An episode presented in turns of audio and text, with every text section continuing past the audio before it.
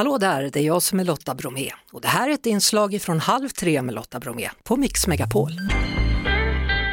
Niklas Svensson, Expressen, nu med mig i studion och innan vi talar svensk valspurt, lite kort om Storbritanniens nya premiärminister. Det var spännande idag du. Ja, det var det verkligen. Ja, Boris Johnsons efterträdare tar över inte bara partiet Tories då, utan också som Storbritanniens premiärminister. Det har stått mellan före detta utrikesministern Liz Truss och finansministern före detta Richie Sunak. Och så här lät det för drygt en timme sedan.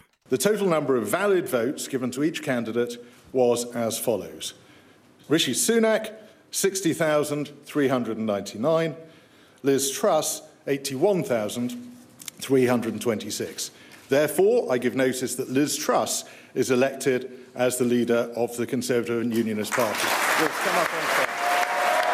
Mm, jubel alltså för Liz Truss då, som blir den tredje kvinnan efter Margaret Thatcher och Theresa May som blir premiärminister i Storbritannien. Och Niklas Svensson, Expressen, vilken politik kommer hon att driva tro?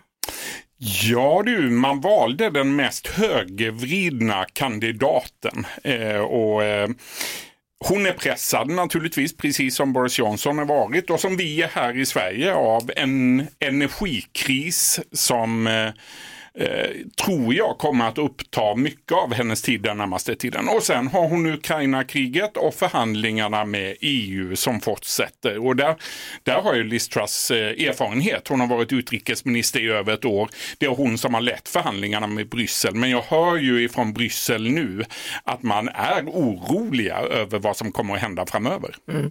Hon är, som du säger, då, väldigt långt åt höger, men hon är också någon nu då, som får ta tag i en massa problem som man mm. har i Storbritannien Storbritannien. Så är det. Man har eh, en arbetslöshet som man inte riktigt har under kontroll och sen energikrisen. Man är lika oroliga i Storbritannien som, som eh, de svenska väljarna är i valrörelsen just nu. Vi övergår till svensk politik då. Det är slutspurt, det är valspurt. På söndag är det valdag och vi är lite halvt utmattade. Om nu vi är det, hur mår politikerna? De är naturligtvis också trötta, men de har betalt för att klara av det här en vecka eller ett par veckor eh, vart fjärde år. Kan man tala om dagsform vad det gäller politiker? Ja, det kan man väl. Jag har haft kontakt med och det tycker jag är väldigt spännande med lite moderater och socialdemokrater de senaste dagarna. Och det som skiljer den här valrörelsen från tidigare valrörelser som jag har bevakat är nog den, det gemensamma att båda lägren eh, tror att de kommer att förlora valet. Jaha. Man brukar Jag trodde du skulle säga tvärtom. ja, eller hur? Eh, jag har inte varit med om det tidigare, att man man brukar ha, vara så självsäker och ta ut segern i förskott. Mm. Jag upplever att ingen av sidorna gör det. Eh, när jag pratar med dem lite Eh, mer off the record. Eh, naturligtvis den bild som båda partierna, både Moderaterna och Socialdemokraterna vill sätta utåt är ju att de är segrare och kommer att vinna på mm. söndag. Mm. Men egentligen är de väldigt osäkra. Då, I Expressen då så skriver de om opinionsmätningar. Funkar det att få sådana här opinionsmätningar varje dag? Äh, det gör ju inte riktigt det. Tittar vi på siffrorna så har det svängt oerhört mycket de senaste veckorna. Och eh, idag så kommer det också kritik från flera håll, framförallt mot de här dagliga mätningarna som publiceras av Sveriges Television och som är gjorda av Novus, mätinstitutet. Eh, men Sveriges Television försvarar de här mätningarna och menar att det finns ett stort intresse för dem. Kritikerna menar att de här opinionsmätningarna kan påverka hur människor faktiskt kommer att rösta och så är det ju.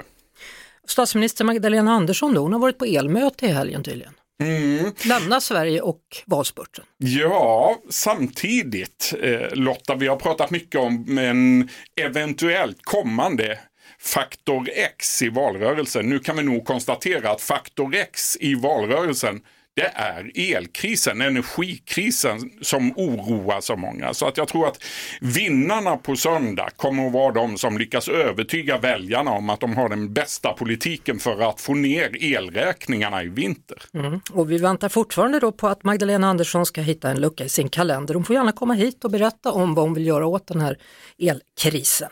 Annars får vi bjuda in Morgan Johansson eller Annika Strandhäll kanske. De kanske kan företräda mm. partiet. Jag tycker att det låter som en alldeles utmärkt idé. Mm. Två partiledardebatter återstår, TV4s på torsdag, SVTs på fredag och på lördag blir det då Magdalena mot Ulf. Mm. Ingen Jimmy där inte, även om han skulle bli det största. Nej, man går ju på hur det såg ut eh, i valet 2018. De siffrorna får gälla även i slutskedet på den här valrörelsen. Det har det ofta varit en diskussion och debatt om i samband med de här debatterna. Eh, men eh, där har Sveriges Television bestämt sig. Det var det. Vi hörs såklart igen på Mix Megapol varje eftermiddag vid halv tre. Ett poddtips från Podplay. I fallen jag aldrig glömmer djupdyker Hasse Aro i arbetet bakom några av Sveriges mest uppseendeväckande brottsutredningar. Går vi in med hemlig telefonavlyssning och, och då upplever vi att vi får en total förändring av hans beteende. Vad är det som händer nu? Vem är det som läcker? Och så säger han att jag är kriminell, jag har varit kriminell i hela mitt liv men att mörda ett barn, där går min gräns. Nya säsongen av Fallen jag aldrig glömmer på Podplay.